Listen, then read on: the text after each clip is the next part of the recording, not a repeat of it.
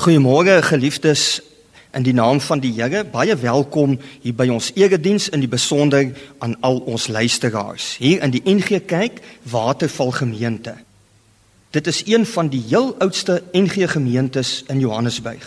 Die gemeente gaan binnekort sy 100-jarige bestaan vier. Die gemeente streef daarna om 'n stukkie hemel op aarde te wees vir beide sy lidmate, sowel as diegene na wie die gemeente uitreik. Die gemeente is verder ingestel daarop om deur die gemeenskap erken te word as 'n betekenisvolle rolspeler in die koninkryk van God. Vanoggend is ons tema dan die identiteit van Jesus Christus, na aanleiding van die heel eerste woorde wat ons kry in die oorspronklike teks van die boek Openbaring, die Griekse woord apokalypsis, die openbaring. Ons gaan dan lees Openbaring 1 vers 1 tot 2. Kom ons word stil voor die Here. So sê die Here God, die Almagtige. Ek is die Alfa en die Omega, die eerste en die laaste, die lewende. Wat is en wat was en wat kom. Amen. Geliefdes, genade en vrede vir julle van God, die een op die troon. Van Jesus Christus, die lam wat geslag was en reg voor die troon staan een van die sewe geeste van God reg rondom die troon wat oor die hele aarde uitgestuur is. Kom ons aanbid nou die Here God en besing die lof van hom deur saam te sing lied 169.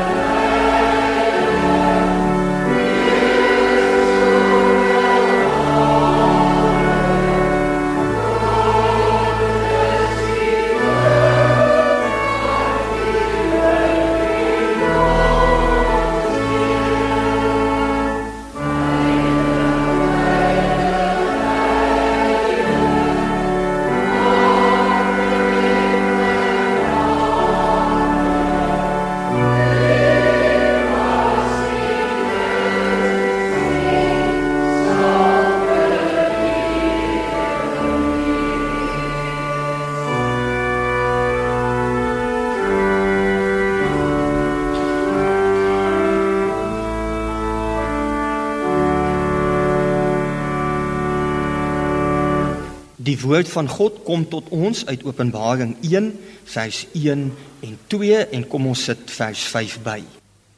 Wat hier volg is deur Jesus Christus geopenbaar. God het die openbaring oor wat binnekort moet gebeur vir hom gegee om aan sy dienaars bekend te maak. Jesus het toe sy engel gestuur om sy dienaar Johannes dit alles te laat sien, te laat sien dat Jesus Christus die geloofwaardige getuie is Die eerste is wat uit die dood opgestaan het, die juising oor die konings van die aarde. Kom ons bid saam. Here onsse God, U wat op die troon sit en aanbid word omdat U die skepper van alles is. Ons is vanoggend hier by mekaar om te luister na u woord, na u stem en wat u vir ons as mense vanoggend wil sê as kroon van u skepping. Spreek Here, u kinders luister. Amen. Geliefdes in die Here Jesus Christus, ter inleiding lees ons in die Griekse teks van Openbaring wat begin met die woorde Apokalypsis, Jesu Christus wat vertaal word as die openbaring van Jesus Christus. Dit gaan in die openbaring oor wie Jesus Christus is en ook wat hy doen. Dit gaan in Openbaring ook oor die volledige identiteit van wie Jesus Christus dan werklik is en dit is ons onderwerp wat ons vanoggend hanteer. Terwyl van 'n duidelike verstaan moet ons natuurlik weet hoe om Openbaring te lees. En eerstens dan gaan ons vanoggend daarna kyk hoe om die Bybelboek Openbaring te lees soos 'n storie dan moet ons weet wat is die doel en die bedoeling van die skrywer. Die skrywer se bedoeling is om nadat hy 'n aantal visioene ontvang het of tot sy beskikking verkry het uit ander literatuur, dit in 'n logiese volgorde of storielyn te plaas en die verband en die betekenis daarvan te verduidelik aan die hand van die verhaal wat hy dan skryf dan om na aanleiding van sy profetiese roeping aan die sewe kerke in Klein-Asië elkeen 'n afsonderlike brief te skryf as 'n boodskap aan elkeen van die kerke. Aan die skrywer of soos ons volgens deeglike navorsing vermoed, 'n latere finale redakteur, die storie en die sewe briewe bymekaar gesit in 'n boek en 'n inleiding en 'n slot vir die boek geskryf, naamlik Openbaring. Net so 'n kantaantekening is dat die skrywer diegans van metafore en simboliek gebruik maak en dit nie so eenvoudig is om dadelik en met die eerste oogopslag die bedoeling van die skrywer met elke metafoor of simbool altyd korrek en duidelik te verstaan nie. 'n Tweede belangrike aspek is natuurlik om 'n storie te kan verstaan is dat mens iets sal verstaan van die agtergrond van die skrywer en van die leser. Natuurlik is dit so dat hoe meer mens verstaan en weet van die agtergrond, hoe makliker word dit om die bedoeling van die skrywer en die boodskap beter te verstaan. Kortliks. Die skrywer is 'n ene Johannes wat ons vermoed die disipel van Jesus was, wat waarskynlik ook die evangelie van Johannes geskryf het. Die Romeine het ongeveer sedert 63 voor Christus die staat Israel onderwerp waar Jesus Christus gebore is, hy gelewe het en as beweerde oproermaker en opstandeling teen die Joodse godsdiens en godsdiensleiers 'n kruisdood gesterf het. Die vermoede bestaan dat Johannes, die skrywer, tussen die jaar 63 tot 69 na Christus toe na die stad Efese in Klein-Asië verhuis het en saam met hom geneem het die moeder van Jesus na wie hy op daardie stadium omgesien het en dit volgens mondelinge oorlewering. Daar het hy 'n Christelike godsdienstige gemeenskap begin wat versprei het na gemeenskappe in nog ander groot stede in Klein-Asië. Die vermoede bestaan dat die owerheid Johannes vanweë sy lastige godsdienstige bedrywighede na die eiland Patmos toe weggestuur het. Daar op die eiland in afsondering het Johannes gedink aan en verlang na die geloofsgemeenskappe wat onder sy leiding ontstaan het op die vasteland Klein-Asië. Hy het gedroom oor hulle en die God wie hulle aanbid het. Hy het aan hom Johannes verskeie openbaringsvisioene gegee deur drome of deur die lees van ander literatuur en toe aan Johannes 'n opdrag gegee om aan elk van die geloofsgemeenskappe in die sewe grootste stede in Klein-Asië 'n brief te skryf. Hy het dit toe gedoen en dit is wat ons vanoggend dan lees in die Openbaring boek. Vervolgens kom ons kyk kortliks na die struktuur van die hele Openbaring boek. Wie die rolspelers in die verhaal is, wat die verskeie motiewe in die verhaal is en dan ook wat die boodskap is spesifiek soos ons dit in menige verhale van die tyd kry in die klimaks van die storie. Net gou so vinnig, kom ons kyk na die struktuur van die boek Openbaring. Dis baie belangrik om die struktuur te verstaan. Ek weet jy het nie nou almal in Bybel beskikbaar nie en dalk ry u in 'n motor, maar luister maar net gou en probeer hierdie struktuurtjie vir u self voorstel. Openbaring 1 vers 1 tot 8 is die inleiding tot die boek in geheel. Dan Openbaring 1 vers 9 tot 20 is die profetiese roepingsvisioen aan Johannes. Openbaring 4 en 5 is die groot en bekende openbaringsvisioen wat vir ons vertel van al die rolspelers. Openbaring 6 tot 19 is dan die verhaal met verduidelikende visioene tussenin terwyl hierdie verhaal op skrif gestel word. Dan kan ons die verhalende gedeelte van Openbaring 6 tot 19 onderverdeel. In hoofstuk 6 tot 11 kry ons dan die eerste bedryf wat gaan oor sewe seels en sewe trompette. Openbaring 12 tot 14, daar kry ons drie visioene so tussen die eerste en die tweede bedryf. En die visioene gaan oor die vrou, die draak en die lam. In Openbaring 15 tot 16 kry ons dan 'n tweede bedryf wat gaan hoofsaaklik oor sewe engele en sewe plaae. Openbaring 17 tot 18 is dan die derde bedryf wat gaan oor die vrou, die helder rooi dier en die stad Babylon. Openbaring 19, die hele hoofstuk vers 1 tot 21, daar kry ons dan die klimaks waar dit gaan oor die ruiter op die wit perd en die laaste gebeure van alles hier op aarde.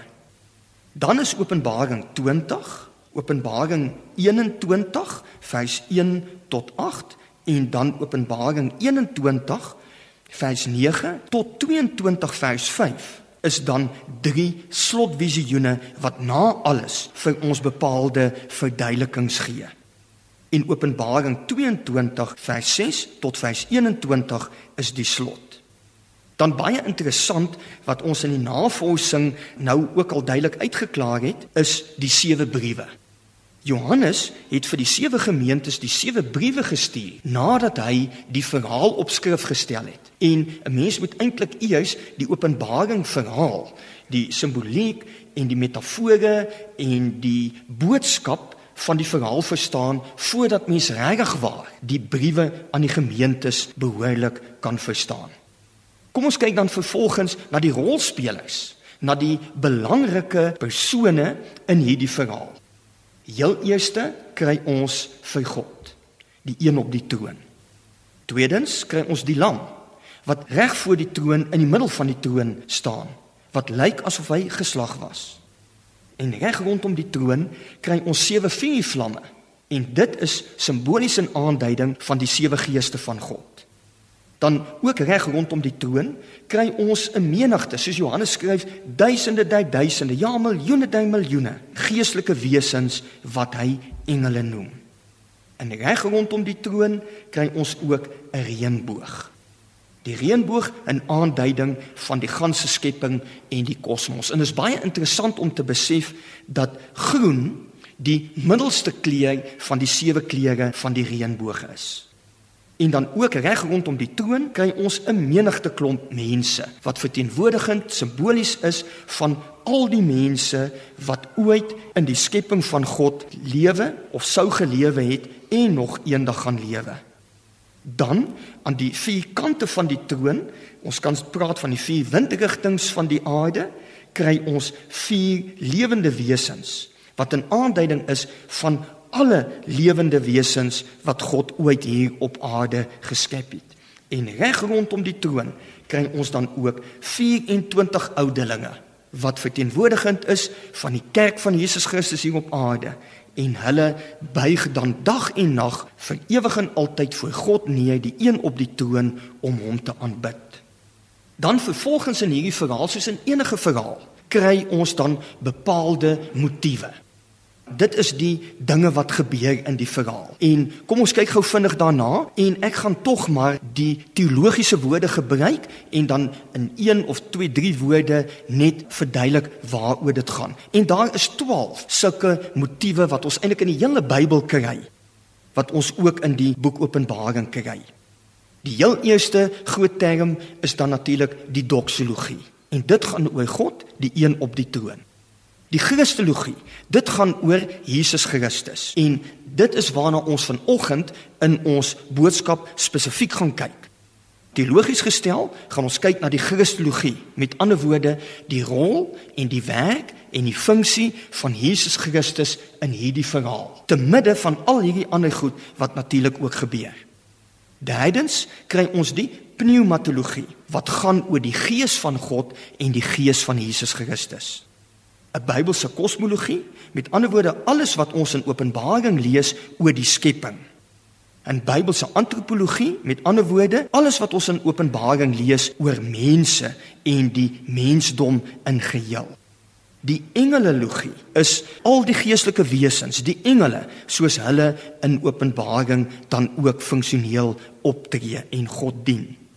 Dan 'n interessante een, die satanologie.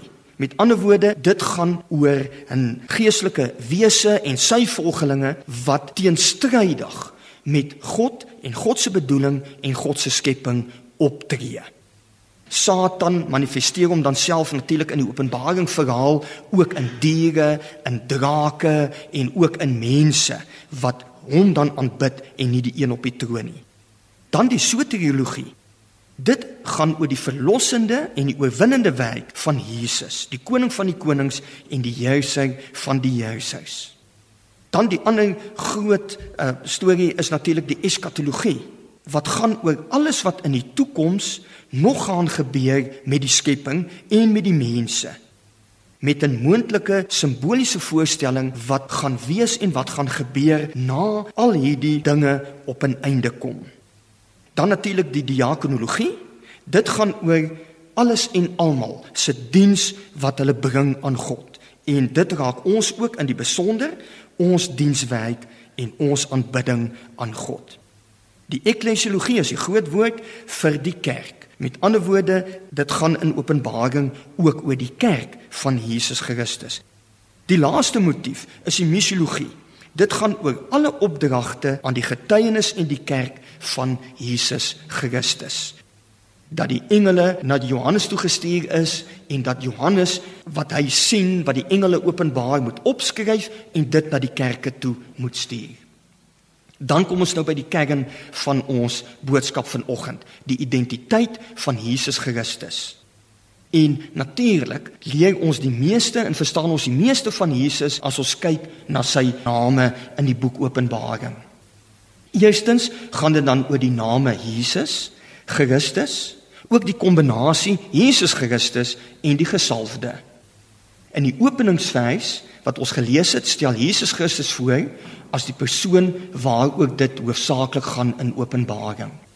Die naam Jesus word 14 keer in Openbaring gebruik en 7 maal in verbintenis met die frase dat hy die getuie is of die getuienis van Jesus. Dit word dan ook hoofsaaklik een van twee motiewe verbind naamlik die van God se woord en die van Jesus se getuienis self. Ons lees dan dat Jesus ook self die geloofwaardige getuie is, die eerste is wat uit die dood uit opgestaan het. En daardeur word die verhouding tussen God en Jesus bevestig as subjek teenoor subjek. Die benaming Jesus word uitsluitlik ook as 'n eie naam gebruik en verwys na die mens Jesus wat op aarde in die geskiedenis geleef en gewerk het en wat nou in Openbaring as die lam langs die troon van die Here God is. Die verbindingsnaam Jesus Christus word ook as 'n vaste eie naam gebruik en dui op die gesalfde van God. Die naam of aanduiding van die naam Christus kom 7 maal voor in Openbaring. In 11 vers 15 12 vers 10 word slegs die naam gesalfde gebruik en dan ook as eie naam. En dit dui op die salwing of gesalfde van God. 'n Gedagte wat in 12 vers 10 en 20 vers 4 en vers 6 ook duidelik na vore kom. Die salwingsgedagte in hierdie verse en hierdie benaminge is dan ook 'n aanduiding dat Jesus self 'n profeet was. Op 'n besondere wyse word die naam Jesus ook in 19 vers 13 met die skepping verbind, met die vermelding wanneer daar gesê word dat hy die woord is. Die Griekse woord, die logos wat jy seker almal al van gehoor het. En die verbintenis met God se woord deur hierdie benaming in 19 vers 13 bevestig dan ook die volmag en die gesag van Jesus Christus as die agent van God. Tweedens, die term lam. Dit verwys na Jesus en kom altesaame 26 keer voor in Openbaring. Dit is die mees onderskeidende benaming in Openbaring met 'n aantal kere die byvoeging of die uitbreiding asof hy geslag is. En die benaming word ontleen aan die Evangelie van Johannes Johannes 1 vers 29 en 36 waar Johannes die skrywer as hy Jesus sien en ontmoet sê daar is die lam van God. Die plek wat die lam inneem tussen die troon en die oudelinge bevestig ook die verlossende middelaarsrol wat die lam speel. Die lam in Openbaring word oorsaaklik dan in die tweede gedeelte van die Openbaringsvisioen in hoofstuk 5 aan die orde gestel. En daar word dan vir ons verduidelik dat die lam een is met die een wat op die troon sit.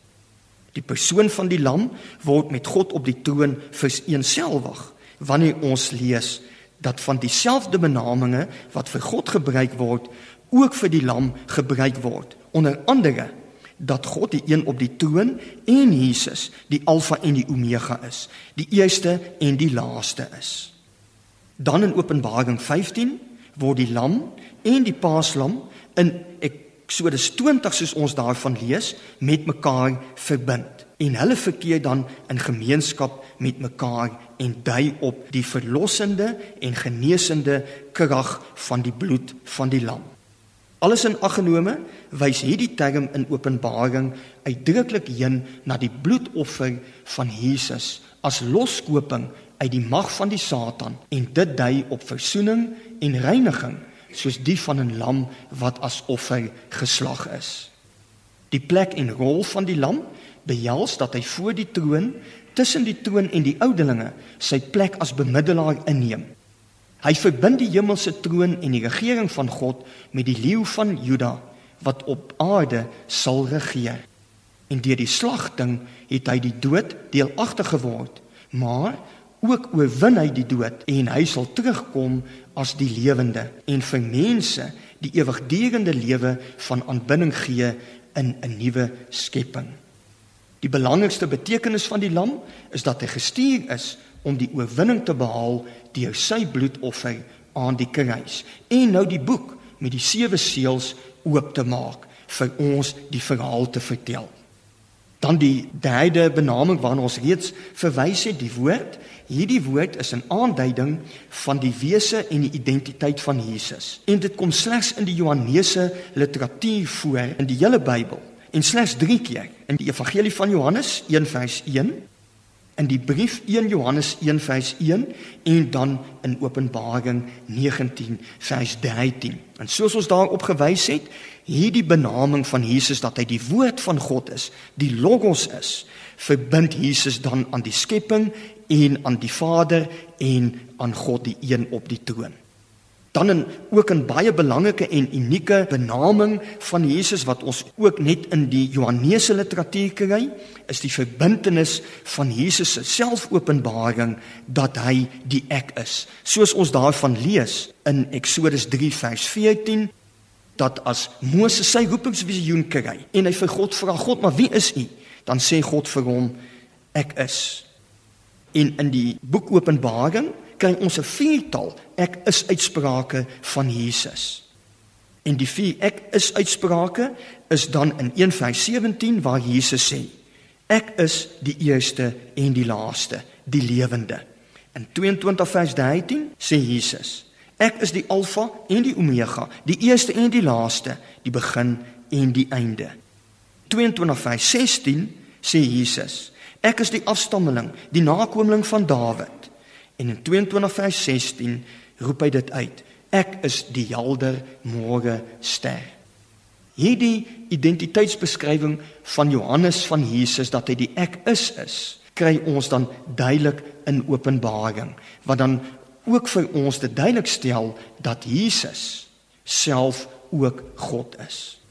Die volgende benaming is dan dat Jesus die seun van God is. Hierdie benaming kom slegs die een enkele keer in Openbaring voor, 2 vers 18. Maar die seun en die vader verbintenis word dan baie duidelik gemaak met die vermelding as Jesus sê: "Dieselfde mag en gesag wat ek het, het ek van die Vader gekry." Die benaming kom vanuit die Joods-Christelike tradisie waar dit gaan oor die eenheid van die Vader en die Seun en die volmag van die Seun as gestuurde van die Vader. Die gebed van Jesus in Johannes 17 as mens dit gaan lees dan lees mens daar hoe Jesus herhaalde male bid uh, wat hy sê Vader soos u my gestuur het stuur ek hulle ook my disippels so die verbintenis tussen Jesus die seun van God en God as sy Vader kom baie duidelik uit in die geskrifte van Johannes Die sesde benaming is dat Jesus die seun van die mens is. Hoewel hierdie benaming net in twee verse spesifiek voorkom, mag die feit dat dit in die Openbaringsvisioen in 12 vers 20 van hoofstuk 1 en die bekendstellings in die sewe briewe in Openbaring 2 tot 3 voorkom, nie ontken word nie. Die naam van Jesus wat in die evangelies by uitstek die selfidentifisering van Jesus is, kom dan baie opvallend voor in Openbaring 1:13 en 14:14 waar ons leef. Een soos die seun van die mens. Hierdie twee verwysings verwys na Jesus se verheerlikte toestand en sy oordelende mag. En hierdie benaming het 'n baie diepere en gelaaide betekenis as wat ons regtig besef en is by uitstek in die evangelies die selfbenoeming van Jesus deeglik verduidelik. In die sinoptiese evangelies verwys hierdie benaming dan na die werk, die lyding en die verheerliking van die seun van die mens. Die Johannese materiaal gebruik hierdie benaming wat veral ontleen is aan Johannes 1:51 waar Jesus dan ook sê ek is die seun van die mens. Die laaste identiteitsbeskrywing van Jesus volgens sy name kry ons dan in 17 vers 14 en 19 vers 16 waar ons lees dat hy die Here is, die Here van die Jerusalem en die koning van die konings. Hierdie benaming kom voor in die kernverse van die twee periope in Openbaring wat gaan oor die oorwinning en die ewige heerskappy van die lam. En dit word dus met die oorwinnings en die eindgebeure verbind. Hierdie benaming bring dan die koningskap van Jesus sowel as die koninkryk van Jesus na vore. Maar as 'n ewige aanbidding van die Here God, die een op die troon in die stad van goud as 'n eindgebeure of 'n hiernamaals gebeure. Die vermelding dat hy kom as ryter op die wit perd met die lees in die hemel wat op wit perde agter hom aanry, veronderstel dat hy as bevelvoerder met volmag aangestel en gestuur is om oorlog te maak en te oordeel. Hy is dus duidelik die gestuurde Here van die Jesushuis na hierdie wêreld. Dan net kortliks 'n paar verwysings na wat Jesus doen in die boek Openbaring en wat hy kom doen het. Ons het reeds daarop gewys dat hy die geloofwaardige getuie is. En dit wys op die groot doel van Jesus se werksaamheid, naamlik as die een wat getuienis lewer van die waarheid van God. Dit dui ook op Jesus se sending na die wêreld met 'n opdrag om self deur sy aardse lewe en sy leringe te kom getuig. En dit is ook 'n aanduiding van sy profetiese roeping.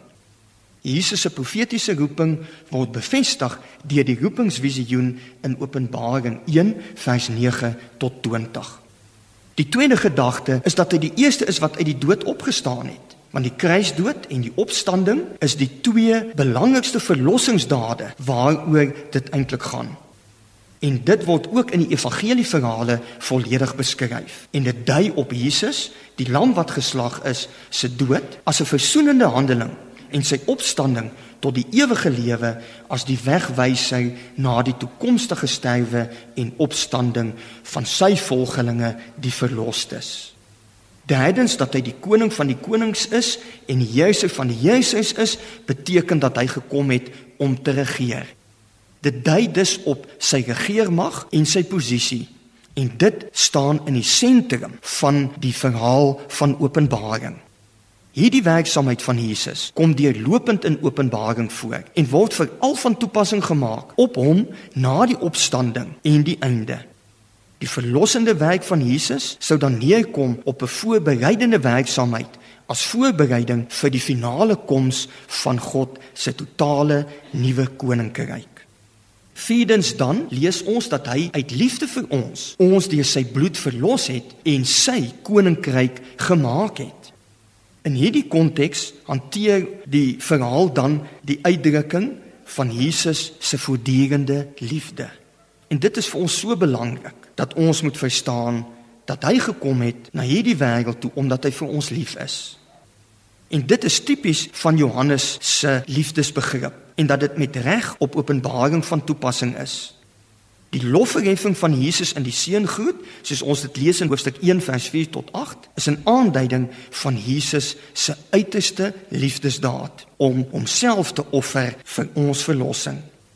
Die werkwoord om lief te hê kom vier keer voor in Openbaring en die naamwoord liefde twee keer. En die begrip liefde het betrekking dan op Jesus se selfopofferende liefde deur sy versoeningsdood en die bevestiging en die implikasie en gevolg daarvan vir die wat deur hom verlos is en nou aan hom behoort. Die opvolgende gedagte van verlossing wys weer op die wyse waarop Jesus Christus sy daadwerklike liefde met die kruisdood bewys het. Die motief van die lamslagting kom dikwels in Openbaring en ook in ander geskrifte voor. En die rede waarom die motief van liefde so min in Openbaring dan ook voorkom, dit word elders baie duidelik beskryf, veral in hoofstuk 5 van die eerste brief wat Johannes geskryf het. Die gevolg van die verlossing is dat die verloste volk van God nou deur hierdie daad van die lam geskep word en geskep ook is. En hierdie gedagte kom duidelik weer voor in Openbaring 5 vers 9 tot 10 ook in die troon visioen. Dan kry ons die gedagte dat Jesus gekom het as lewende om die lewe te gee. Hy openbaar homself as die lewende en die lewegewende. Vir die mens gaan dit dus hier oor lewe en dood en in die besonder oor die ewige lewe en die ewige dood. Jesus is na die wêreld toe gestuur om mense te verlos van die dood en aan hulle die ewige lewe te gee. Dan die sesde funksie of rol of werksaamheid van Jesus is dat hy die ruiter op die wit perd is wat kom en met regverdigheid kom om oorlog te voer maar ook te oorwin en die oorwonnes dan te veroordeel en diegene wat saam met hom die oorwinning behaal die ewige lewe te gee. Die beeld van die ruiter op die wit perd is 'n toespeling op die Joodse tradisie van die bevrydende Messias. Hiermee word dus van Jesus gesê dat hy met regverdigheid oordeel en oorlog voer en inderdaad die Messias is. Dit beteken dat hy sal kom om te gelykertyd te bevry, te verlos en te red, maar ook te oordeel en dat hy aan die einde die oordeel sal vel oor die draak en diegene wat die draak volg en aanbid. Die laaste gedagte wat ons dan kry is dat hy die eerste en die laaste, die alfa en die omega is en dat hy gekom het om die skepping tot 'n volkomme einde te bring en 'n nuwe skepping en 'n nuwe ewige lewe daar te stel. En dit is dan presies wat ons kry in die klimaks of die slot van die verhaal waar Jesus sê kyk, ek kom gou. Ek Jesus is die afstammeling, die nakomeling van Dawid. Ek is die helde môrester. Ek kom gou. En ons, sy kerk, die bruid roep saam met die Gees uit ook vanoggend. Here Jesus, kom. Kom gou. Amen. Here Jesus, baie dankie dat ons vanoggend U kon ontmoet en dat U Uself deur die verhaal en die Bybelboek Openbaring aan ons kom openbaar het as die lewende, die eerste en die laaste, die begin en die einde. Ja, U is die Alfa en die Omega en dit wil ons sing en dit wil ons uitroep wanneer ons U aanbid, ook vergader rondom U troon. Amen. Kom ons aanbid God nou en bring aan hom alleen al die eer omdat hy die skepper is en omdat ons hom ontmoet het en hom ook ken. En dit doen ons deur die saamsing van lied 168 vers 1 tot vers 3.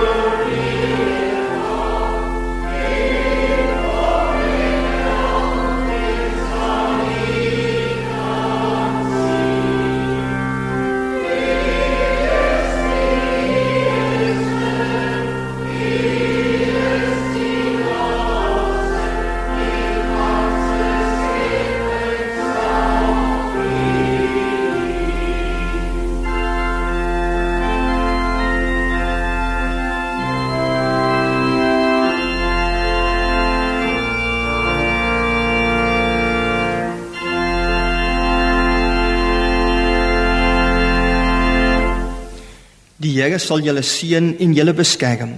Die Here sal tot julle redding verskyn en julle genadig wees.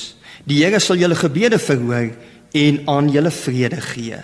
Amen.